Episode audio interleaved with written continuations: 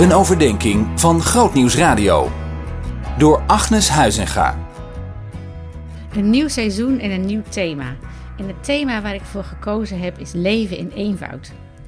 Ook dat is weer gebaseerd op een studie van Selwyn Hughes uit Everyday with Jesus. En uh, waarom heb ik dat gekozen? Omdat zo aan het begin van het seizoen vind ik dat er altijd veel op je afkomt. Aan werk, aan relaties, aan maatschappelijke problemen, aan hoe gaan we op een mooie manier gemeente zijn. Uh, en Jezus, die leefde in een heel complexe maatschappij. En toch had hij maar één focus en dat was de wil van zijn vader doen. Dus hoe kunnen wij, net als hij, toch in eenvoud leven? In 2 Korinthe 11, vers 3 staat: Alleen vrees ik dat, zoals Eva door de slang op sluwe wijze bedrogen werd, uw gedachten worden weggelokt van de oprechte en zuivere toewijding aan Christus. Daar was Paulus bang voor. De richting en voorschriften die Eva en Adam hadden gekregen, die waren helder, die waren eenvoudig. En toch lieten ze toe dat hun gedachten werden afgeleid en stelden ze hun eigen afwegingen boven die van God. Nou, dat is volgens mij in het kort nog steeds een struggle van elke mens vandaag. op een bepaalde manier is het geloof iets heel eenvoudigs, zonder dat het simpel is.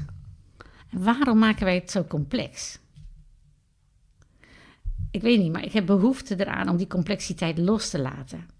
En in de vakantie heb ik de grote profeten gelezen: Jezaja, Jeremia, Ezekiel, Daniel. En wat valt dan op? God zegt: hou nou eens op om je, met je uh, aandacht te gaan naar alles wat je zelf verrijkt. En hou eens op om achter je eigen belangen aan te rennen, maar richt je op mij. Wees goed voor wie jou nodig hebben en leef rechtvaardig.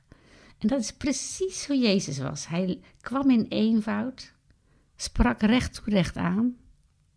Zijn gelijkenissen die waren intrigerend en die, die, die rekken je verbeelding op, maar zijn woorden waren eenvoudig. En hij leefde ongecompliceerd. In contrast met bijvoorbeeld de fariseeën, die een complex leven leidden met allerlei taboes, 3500 regels die ze moesten nakomen, dachten ze, om door God geaccepteerd te worden. En dan komt er zo'n wetsgeleerde en die test Jezus en die zegt: Meester, wat is het grootste gebod in de wet? En dan krijgt hij een geniaal antwoord, Matthäus 22. Heb de Heer uw God lief met heel je hart, met heel je ziel, met heel je verstand. Dat is het grootste en eerste gebod. En het tweede is daaraan gelijk: heb je naaste lief als jezelf. En deze twee geboden zijn de grondslag van alles wat er in de wet en profeten staat subliem in eenvoud. Als er iets ingewikkeld wordt, dan zegt mijn man altijd even terug naar het begin. Waar ging het ook alweer over? Nou, ik hoop dat je dat principe dit seizoen zult toepassen. En dat je steeds het antwoord weet.